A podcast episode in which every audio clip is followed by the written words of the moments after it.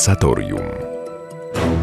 Dzień dobry Państwu, konwersatorium y, Paweł Milcarek. Dzisiaj wciąż w y, naszej kwarantannie, y, także w, w konwersatorium. Mamy nadzieję, że ten stan może nie będzie już trwał tak bardzo długo i zaczniemy również konwersatorium przyjmować gości, ekspertów, rozmawiać. Na razie jeszcze e, trwa e, taki e, namysł. Niech on będzie dla każdego z nas, dla słuchaczy konwersatorium, też takim znakiem, że wszędzie może w tych niezwykłych dniach trwać zastanowienie no, nad najważniejszymi sprawami naszego życia. Moment zatrzymania jest dla nas momentem refleksji. W ubiegłym tygodniu e, rozpocząłem e, taki e, namysł, zastanowienie nad tym, jak w sytuacjach nadzwyczajnych, w sytuacjach kryzysowych zaczynają działać w naszym postępowaniu pewne skrypty, pewne strategie, przetrwania albo zachowania tego, co wydaje się nam, co rozpoznajemy jako najważniejsze.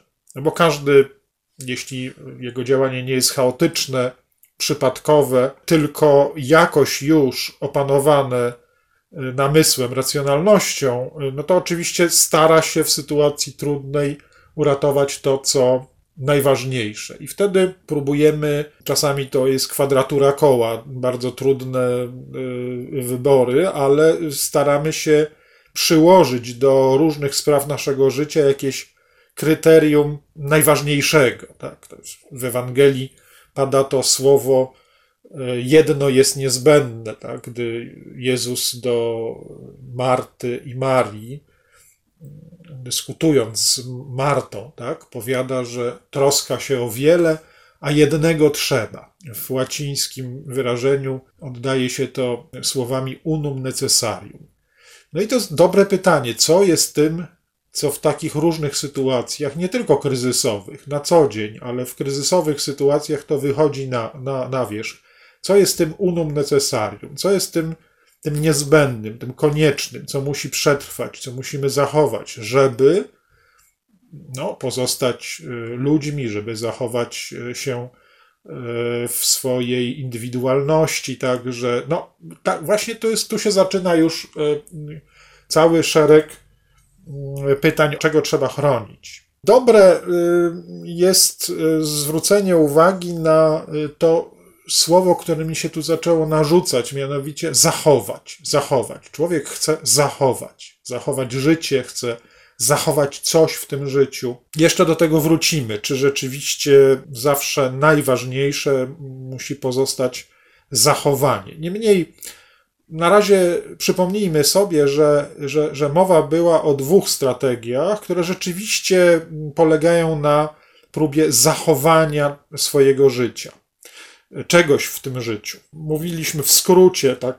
upraszczając to, ale nie fałszując, tak? Mówiliśmy o strategii epikurejskiej i strategii stoickiej. Dwie e, klasyczne, hellenistyczne szkoły etyki, e, które na ogół jakoś intuicyjnie czujemy ich, ich odrębność, chociaż e, one, mm, no, nawet specjaliści nie, nie, nie zawsze mają łatwość w praktyce ich, ich, ich odróżnieniem. Niemniej no jest, jakiś zasadniczy, jest jakaś zasadnicza różnica. Epikurejczycy chcą zachować przyjemność, no a stoicy, można byłoby powiedzieć, chcą zachować niezależność. Chcą, nie, chcą zachować panowanie nad swoim życiem. E, w obu wypadkach e, mamy pragnienie zachowania przede wszystkim jakiegoś filozoficznego szczęścia, tak? jednostki. Epikurejczykiem i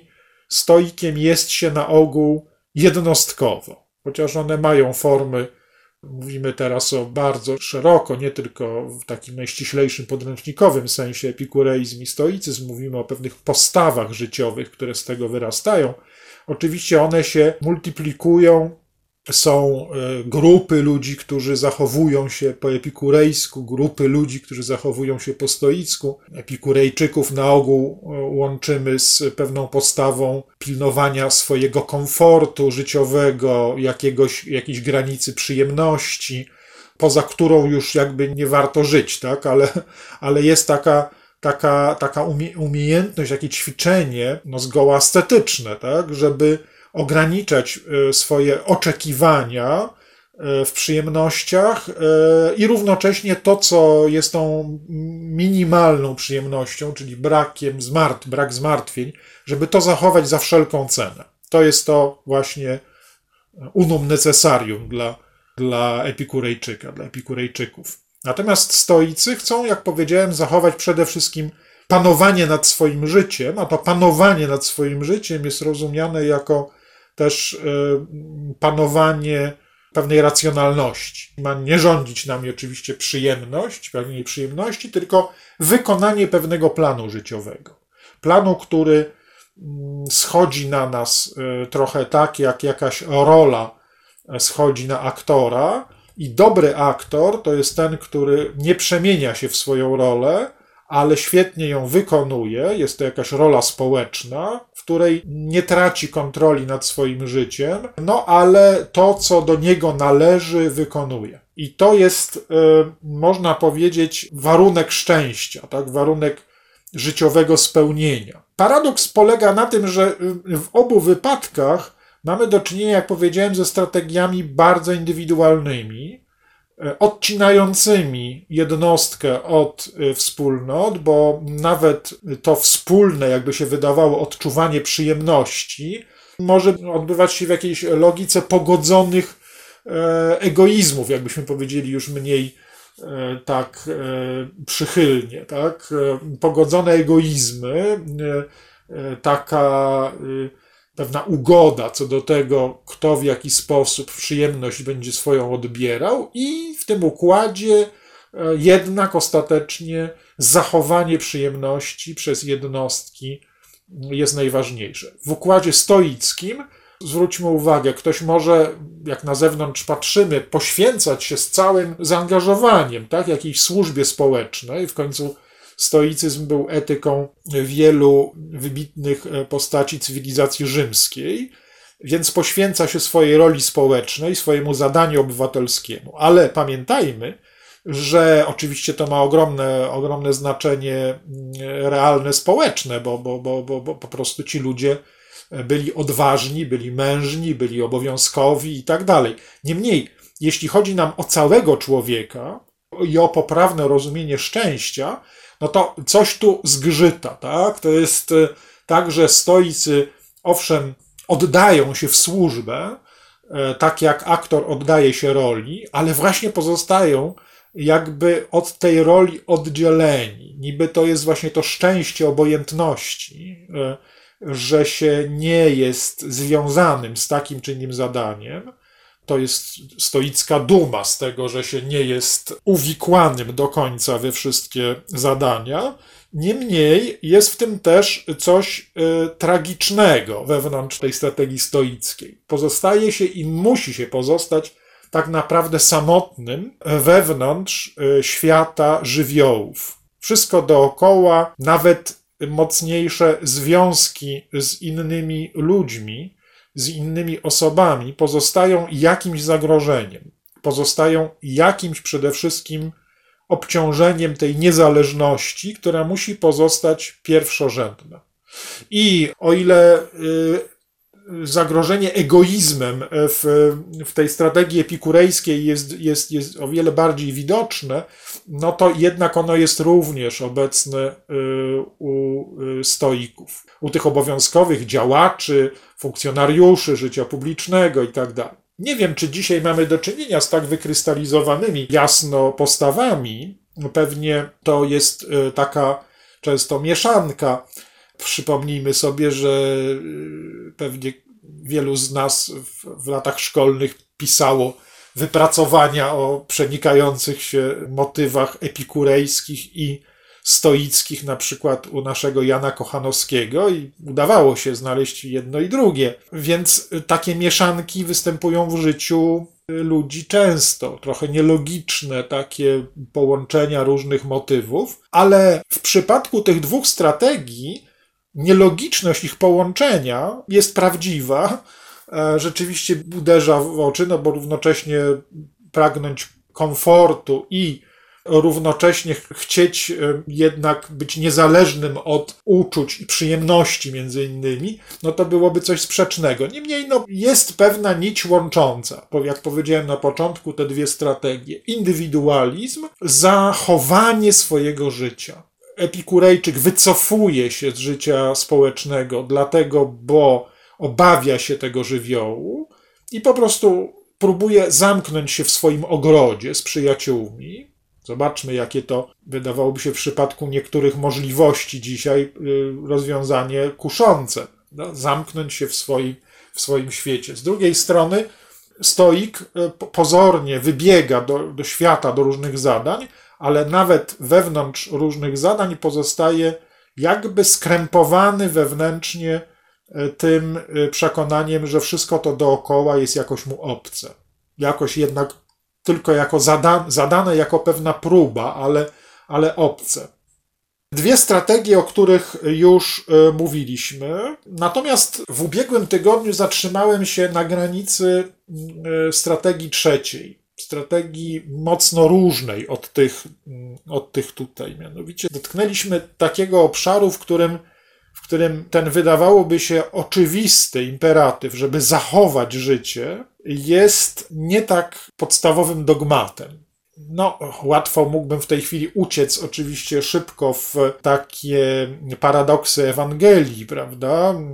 Od razu, bardzo szybko one nam tutaj będą towarzyszyły, ale ale już od razu, gdyby, gdybym w tej chwili rzucił się w tym kierunku i powiedział, że przecież w Ewangelii czytamy, że kto zachowa swoje życie, ten je straci. Czyli ta droga zachowania, konserwacji tak, swojego życia, swojego komfortu, swojego, swojej niezależności i tak dalej, jest y, w logice Ewangelii no, czymś y, złudnym. Nigdy się nie kończy dobrze, nigdy nie doprowadza do, do szczęścia. Natomiast rodzaj katastrofy, którą, na którą człowiek jest gotów, e, wprowadza go w jakąś wyższą rzeczywistość, w której nawet pozornie tracąc, może ostatecznie uratować i siebie, i innych, i, i szczęście. To jest światło, które przychodzi ze strony Ewangelii, ale jak to rozumieć, w jaki sposób się do tego odnieść? Spróbujemy o tym powiedzieć za chwilę.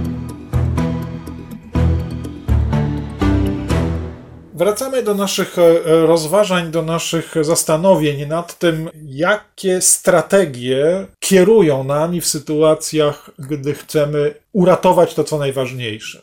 Gdy chcemy dopilnować, żeby w jakiejś sytuacji e, zagrożenia nie odpadło od nas, nie, nie zostało nam zabrane coś, co wydaje nam się zupełnie podstawowe, decydujące pierwszorzędne. Gdzie jest właśnie to unum necessarium, to jedno konieczne, które decyduje o tym, że życie nasze, mówiąc w innym języku, zachowuje swój sens, że wiemy, do czego zmierzamy, czego poszukujemy, co możemy zyskać. Mówiliśmy o dwóch strategiach, epikurejskiej i stoickiej, już dość długo o tych dwóch strategiach. Dość długo, ponieważ to są nie tylko nazwy pewnych e, szkół etycznych starożytności, tylko można byłoby powiedzieć, że w tych szkołach etycznych przed wiekami wychwycono pewne skłonności, które w życiu człowieka są e, widoczne. Skłonność bardziej można powiedzieć, spontaniczna do zachowania swojej przyjemności, e, która w epikureizmie uzyskuje pewną e, pogłębioną tak, formę swoistej ascezy, kontroli swoich przyjemności, aby, aby one pozostały, a się nas nie doprowadziły do jakiegoś samozniszczenia. Z drugiej strony stoicyzm z e, tą umiejętnością pilnowania samego siebie, tak, aby zachować kontrolę nad własnym życiem, aby pozostać niezależnym także w stosunku do wielu uczuć emocjonalnych, przywiązań, nie tylko emocjonalnych, także życiowych, e, społecznych powiązań, które by miały, można być, kierować naszym życiem. Jest jeszcze, jak mówiliśmy to już kilkakrotnie i w ubiegłym tygodniu, i, i, i przed chwilą, e, dzisiaj, jest jeszcze jednak inna droga. Przypomina mi się ona także wtedy, gdy przeglądam taki tom sentencji francuskiego myśliciela Gustawa Thibona. To był taki żyjący w wieku XX, e, zmarł gdzieś na początku XXI e, wieku. Właściwie niezwykła postać, bo trochę taki e, samouk, wieśniak, równocześnie jednak bywalec świata akademickiego, bardzo interesujący autor, e, ogromnie e, ciekawy w swoich rozważaniach, głównie moralnych, e, także takich wchodzących w obszary, w obszary też mistyki, ale równocześnie filozofii życia społecznego. Ogromnie ciekawa postać, mało u nas znana. W Polsce ukazały się tylko bodaj do tej pory chyba tylko dwie jego książki, co Bóg złączył, bardzo interesujące rozważania, które trochę ludzie chyba odbierają jako poradnik przedmałżeński, ale to jest e, szersza perspektywa. I właśnie książka bardzo późna, Płodne złudzenia, która już zbiera jego różne zapiski, aforyzmy. Może nie jest ona najbardziej reprezentatywna dla, dla dorobku Gustawa Tibona, Poza tym ukazały się, myślę, że zwłaszcza na łamach Christianitas, naszego pisma, e, różne mniejsze teksty Tibona. Mam nadzieję, że w niedługim czasie będzie wreszcie udostępniona jakaś e, jego bardziej reprezentatywna książka, diagnozy, taka, taka, taka książka z lat 40., później e, mam nadzieję, książka Powrót do rzeczywistości, która dla całego pokolenia katolickiego we Francji e, była pewnym drogowskazem. No cóż, e, mówię o, o Gustawie Tibonie trochę przy okazji jednego z aforyzmów właśnie, który kiedyś zwrócił moją uwagę w książce Płodne Złudzenia. Tam Tibon zaskoczył mnie zwróceniem uwagi na to, że że można powiedzieć w naszym życiu społecznym, w społeczności, społeczeństw nowoczesnych jest coraz więcej umiejętności zachowywania życia, a coraz mniej jakby umiejętności przekazywania życia. E, on to, to, to krótkie swoje rozważanie snuł trochę na, na tle pewnych praktyk e, życia małżeńskiego, rodzinnego, domowego, że jesteśmy bardzo wyspecjalizowani, jakby coraz bardziej umiejętni w przedłużaniu własnej, e, własnego życia e, i zachowywaniu różnych zdolności, żeby konsumować różne dobra, które wydaje nam się, żeśmy sami zapracowali, w związku z tym możemy tak na emeryturze, czy takiej czy innej emeryturze, po prostu e, pozostać panem tych, tych dóbr. No, Thibon był dzieckiem innej cywilizacji, bardziej z ducha wiejskiej i zawsze mu się wydawało, że dobra, które człowiek wypracowuje w czasie swojego życia, one jakby stają się elementem dobra wspólnego, który potem trzeba sprawiedliwie dzielić, ale który nigdy nie staje się prywatną pensją. I w związku z tym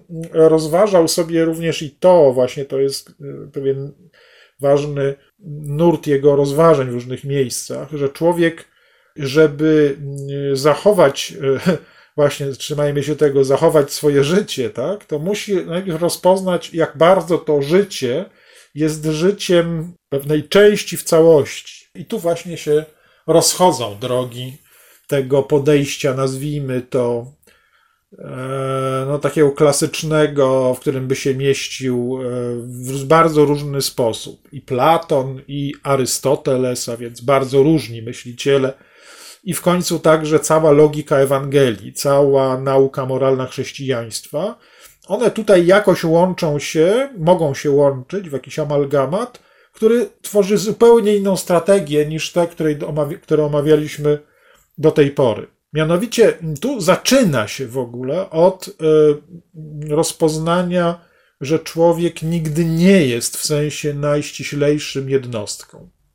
Owszem, istniejemy jednostkowo, tak, jak najbardziej. Bardzo wiele rzeczy dotyczy nas właśnie wyłącznie jako jednostek ostatecznie, tak. Na przykład można powiedzieć, że wina albo zasługa jest jakoś osobista przede wszystkim. Decyzje życiowe, na przykład e, wiara lub niewiara, prawda? albo ostateczne te, te, te rozstrzygnięcia, takie jak zbawienie, e, potępienie to w teologii katolickiej, to są fakty dotyczące konkretnych osób, jednostkowe. A więc w tym sensie tak, oczywiście, i istniejemy jednostkowo, i można powiedzieć moralnie funkcjonujemy osobiście.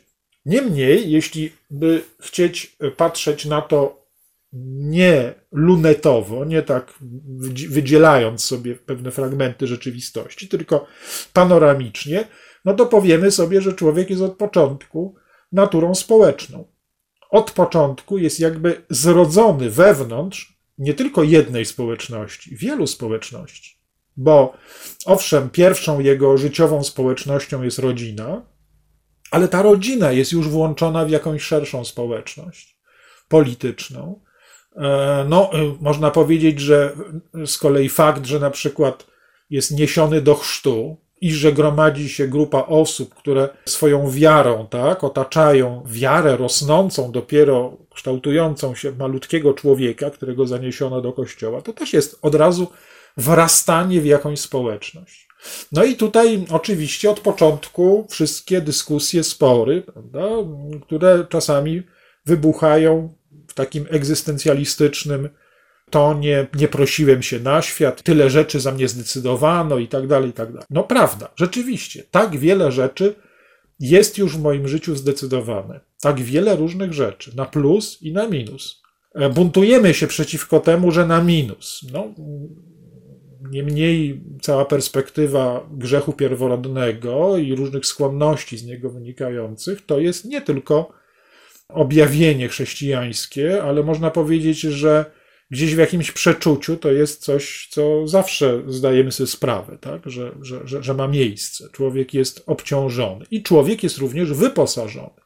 Człowiek przychodzi w jakimś konkretnym miejscu na świat, człowiek w jakimś konkretnym momencie wrasta w życie społeczne i jak powiedzieliśmy przed chwilą, z plusami, minusami, z, z obciążeniami i z różnymi dobrami, których y, sam na świat nie przyniósł, ale które otrzymał. Bunt przeciwko temu, takie przekonanie, że każdy musi startować od zera, startuje od zera, że trzeba jego życie wyzerować, tak? byłoby jakimś mówimy tutaj w tej perspektywie, byłby jakimś nieporozumieniem. Zarówno jeśli chodzi o życie duchowe, tak jakby każdy dopiero kiedyś miał zdecydować, czy będzie chrześcijaninem. No owszem, każdy kiedyś co do tego decyduje, ale jednak przychodzi na świat albo w świecie chrześcijańskim, albo gdzieś poza tym. No, to jest zupełnie inna sytuacja jego wobec wiary. A teraz na przykład e, w wziąłem pod uwagę ten jeden wątek, wątek religijny, ale przecież we wszystkich przestrzeniach człowiek tak się swojego życia, we wszystkich przestrzeniach w takiej sytuacji się znajduje, tak, że, że gdzieś coś dostaje więcej albo mniej, coś w związku z tym ma do wypracowania osobiście, coś ma już wypracowane.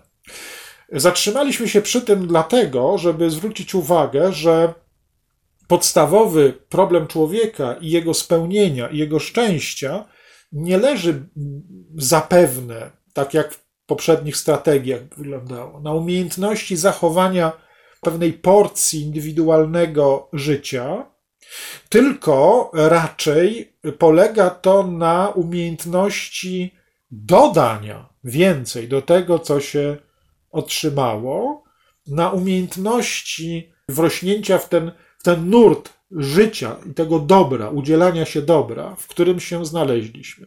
A więc nie tyle zachować swoje życie, albo może zachować jako coś, co nie należy tylko do nas.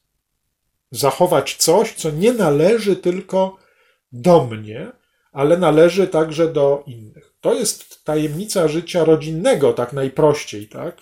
To się rozpoznaje, człowiek tego się uczy, ćwiczy się, gdy znajduje się w takiej roli, e, która mm, wymaga więcej niż tylko wykonywania jakichś działań funkcjonariusza, tak jakby trochę u stoików to, prawda? Funkcjonariusz życia społecznego. No, nie jest się tylko funkcjonariuszem. Gdy się jest ojcem, matką, ale też i z drugiej strony, gdy się jest synem, córką, to nie jest to tylko szata, którą się na siebie wdziewa. To jest część człowieczeństwa. W takim razie od tego poczucia i roz, rozpoznania, że się jest częścią w całości, w ogóle zaczyna się rozważanie, co mam uratować, co jest tym jedynym koniecznym. Zastanówmy się nad tym.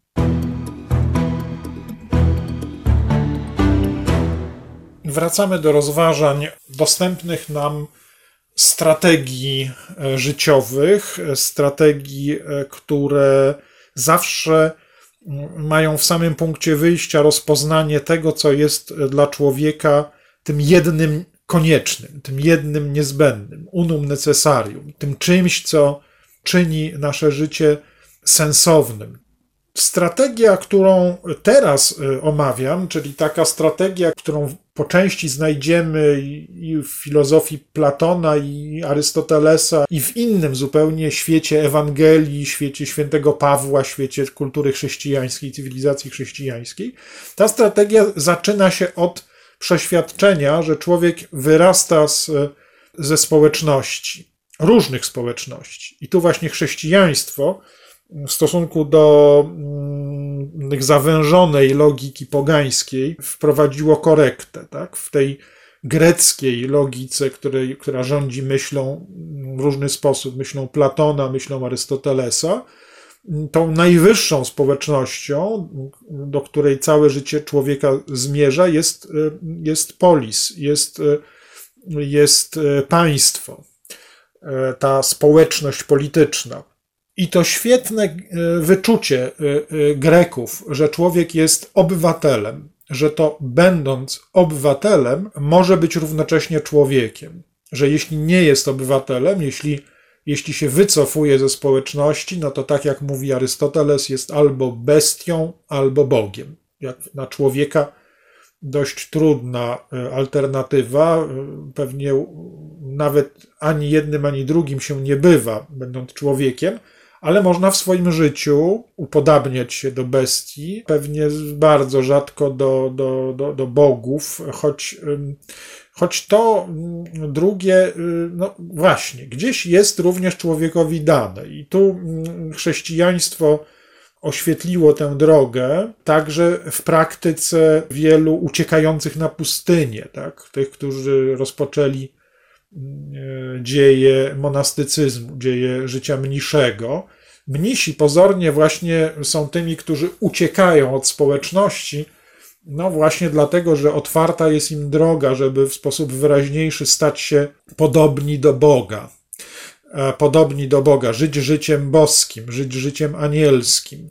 E, wszystkie te obrazy tutaj się otwierają. Niemniej, i to jest bardzo ważne, ta ucieczka, która w świecie chrześcijańskim jest usprawiedliwiona, jest zrozumiana, wszyscy ją akceptują, ona społecznie jest akceptowana, że ktoś, kto odchodzi od zwykłego życia do życia w obowiązkach duchowych, porządku duchowego, wyższych, no, jest zwolniony z wielu obowiązków innych. Tak? Jest, jest to, w tym sensie jest to akceptowane.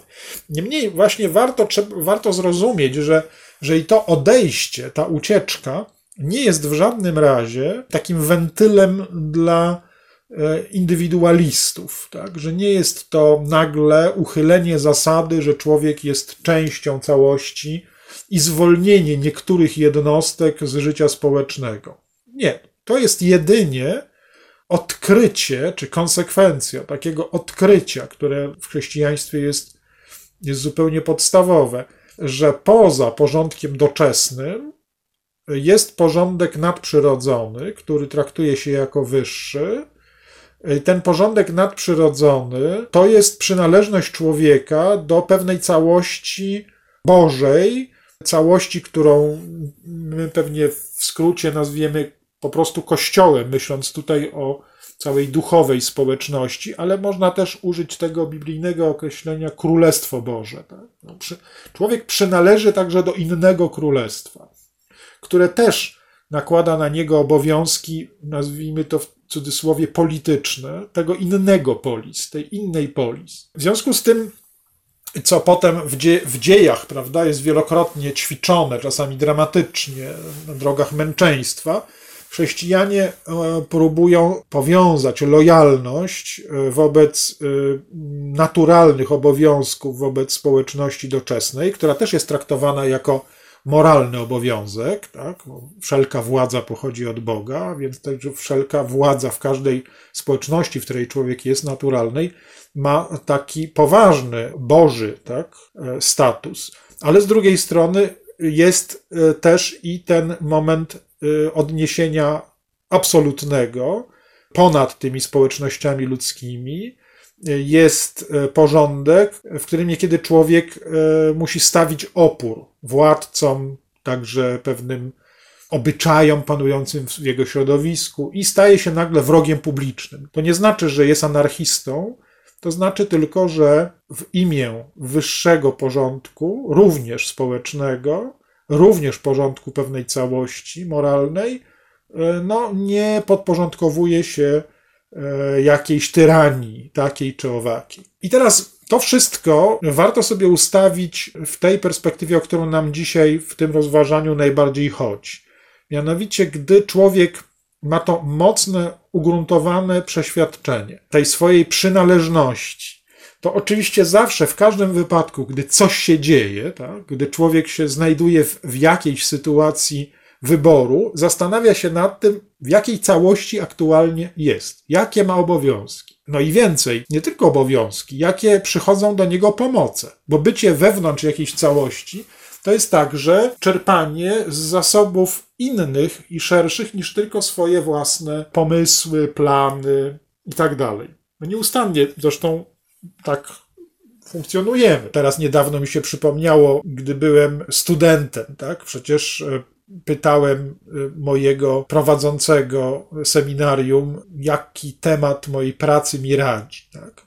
Ja miałem swoje upodobania. No ale za radą prowadzącego wybrałem wówczas inny, który mnie aż tak nie fascynował. I dzisiaj po latach myślę sobie, czasami myśl, wracam do tego myślą, że gdybym poszedł tylko drogą tej swojej chwilowej wtedy fascynacji, o wiele mniej ciekawe, wiele mniej ciekawe zagadnienie. Więc daję przykład. Możemy czerpać, będąc z jakiejś całości, możemy czerpać z zasobów szerszych niż tylko nasze własne chwilowe fascynacje. Dzisiaj, w dzisiejszym świecie, gdzieś zupełnie podstawowa alternatywa tego dotyczy. Czy na przykład wychowanie polega na tym, że człowiek rozwija swoje pasje, to bardzo często w tę stronę się kierujemy, czy też, że daje się kształtować przez y, kanon, który y, na przykład reprezentują no, jakieś, y, powiedzieć, kultura, w której wyrastamy, teksty, do których się odnosimy, nauczyciele, którzy są autorytetami. To jest jakiś, jakiś moment istotnej alternatywy w, w życiu dzisiejszego świata. I oczywiście to odgrywa swoją rolę w tej dziedzinie o tych strategii, o których tu mówimy. Człowiek, który myśli sobie nie tyle o tym, żeby coś zachować i po prostu potem choćby potop, tak? tylko mm, myśli sobie, no tak, przyszedł potop, co zostanie po nas? To jest inna perspektywa. Zwróćmy uwagę. Zgoda na to, że, że ostatecznie przez życie każdego z nas przechodzi jakiś potop w pewnym momencie że w pewnym sensie mają rację ci wszyscy, którzy, którzy z taką e, emfazą mówią, że ha, wszyscy skończymy w piachu i tak dalej. To są brutalne, nie, nieprzyjemne prawdy, nie ma co nimi szafować, ale przecież ich sens, ich wniosek, konkluzja z nich wcale nie jest taka, jak nam się w pierwszym momencie narzuca. Skoro przez życie nasze przejdzie potop, to w takim razie nic nie zostanie z niego, prawda? Nie, nie, właśnie, właśnie jest wiele rzeczy, które może zostać. Nie tylko w sensie egzegi monumentum, tak, że wystawię sobie pomnik. To też jest jakieś pragnienie no, na poły stoickie, tak? Wystawię sobie pomnik, to jednak ludzie będą o mnie pamiętali jako o bohaterze, będę miał cześć, będą o mnie wspominali, opowiadali i tak dalej. To piękne rzeczy, można mieć oczywiście takie, takie marzenia, jak się, zwłaszcza jak się jest y, poetą. Natomiast jeśli chodzi o każdego z nas, zwykłego człowieka, zwykły człowiek to także ktoś na przykład bardzo utalentowany w jakiejś dziedzinie, dobry pracownik, interesujący twórca, jakiś zaangażowany działacz społeczny, albo po prostu dobry ojciec, bardzo dobra matka, dobry pracownik. Każdy z nas w swojej ludzkiej sytuacji, ludzkiej kondycji, może myśleć trochę tak, jak chciał wspomniany przeze mnie wcześniej Gustav Thibault. Myśleć o tym, co ma, o tym, co wypracowuje, jako o pewnym kapitale, które na pewno usunie mu się z rąk tutaj na tym świecie.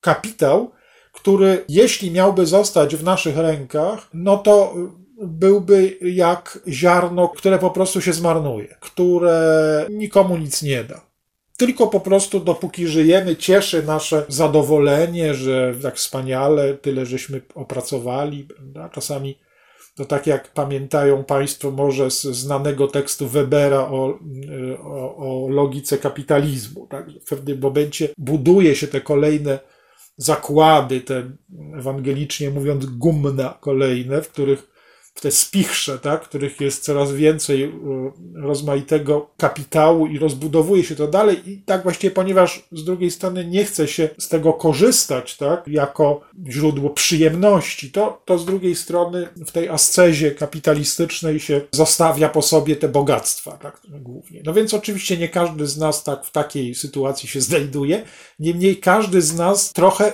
jej dotyka. Tak? Pytanie, co z tymi mniejszymi lub większymi zasobami, dla kogo one są, co one mają zaznaczyć, ewentualnie gdzie mają dalej iść. I to jest myślenie nie tylko wielkich latyfundystów, tak? myślenie tych, którzy mają przekazać wielkie fortuny, ale myślenie każdego człowieka, który przecież w swoim życiu myśli także o tym, że coś twórczego zostawia coś twórczego przekazuje. Akt dziedziczenia to jest wielki akt życia ludzkiego.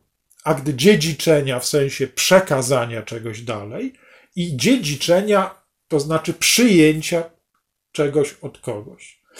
I wydaje się, że ten czas dzisiejszy ten czas zatrzymania się, jeszcze przez chwilę chyba tak to będzie wyglądało, że jesteśmy trochę na zwolnionych takich obrotach, że to jest dobry moment, w którym właśnie trzeba się zastanowić. Nie tak ogólnie, jak czasami sobie myślimy, prawda, egzystencjalne rozważania o, o losie człowieka, o, nie wiem, o jego kruchości, o, o śmierci i tak dalej. To wszystko są rzeczy, które tylko tworzą klimat ewentualnie do zupełnie zasadniczego pytania. Czemu w moim życiu służę? Jakie służby, tak, są motywem mojego, mojego życia? Jakie posługi w moim życiu wykonuję? Jaki kapitał i dla kogo gromadzę? Oczywiście bardzo często nie w ten sposób to może biec, że wiemy, kto będzie dalej z tego korzystał. Nie zawsze wiemy. Bardzo często ziarno właśnie obumiera. Tak? Jest taki moment, o którym mówiłem, życie człowieka zostaje przykryte jakimś potopem, ale pewne prace zostały wykonane i trzeba je zachować dla kogoś. Już nie dla swojej chwały, już nie dlatego, żeby pozostać w jakiejś radości, zadowolenia, że się tyle rzeczy zrobiło mogło zrobić, ale że to naprawdę jest jakiś krok w jakiejś dziedzinie do czegoś. I teraz w takim razie to unum necessarium, to jedno konieczne, co jest nam potrzebne, to jest umiejętność znalezienia się wobec całości, umiejętność znalezienia się wobec dobra wspólnego.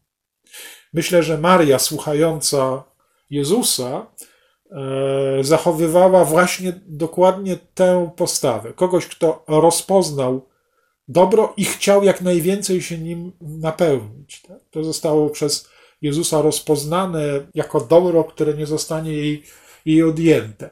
Jest coś podobnego w życiu każdego człowieka, który zdaje sobie sprawę, że czas, który otrzymał, który ma, e, no nie jest, naj, nie, nie, musi być wypełniony krzątaniną, która na dodatek będzie angażowała wszystkich dookoła, tylko musi być e, wypełniony zdobywaniem takich dóbr, które będą trwalsze niż nasze własne życie. Trwalsze nie dlatego, żeby stały się pomnikiem dla nas, tylko żeby mogły służyć innym, tym, których już w tej chwili na różnych naszych drogach spotykamy, a być może, to już niektórym wskaże wiara, może spotkamy już po drugiej stronie życia. Tyle tych rozważań dzisiaj. Bardzo Państwu dziękuję za uwagę. Jak zwykle spotykamy się w przyszłą niedzielę w konwersatorium o godzinie 13. A teraz życzę od siebie i od przyjaciół, którzy tutaj w konwersatorium bywali, wszyscy Państwu życzymy dobrej niedzieli i do usłyszenia. Paweł Milcarek. Audycja powstaje we współpracy z kwartalnikiem Christianitas.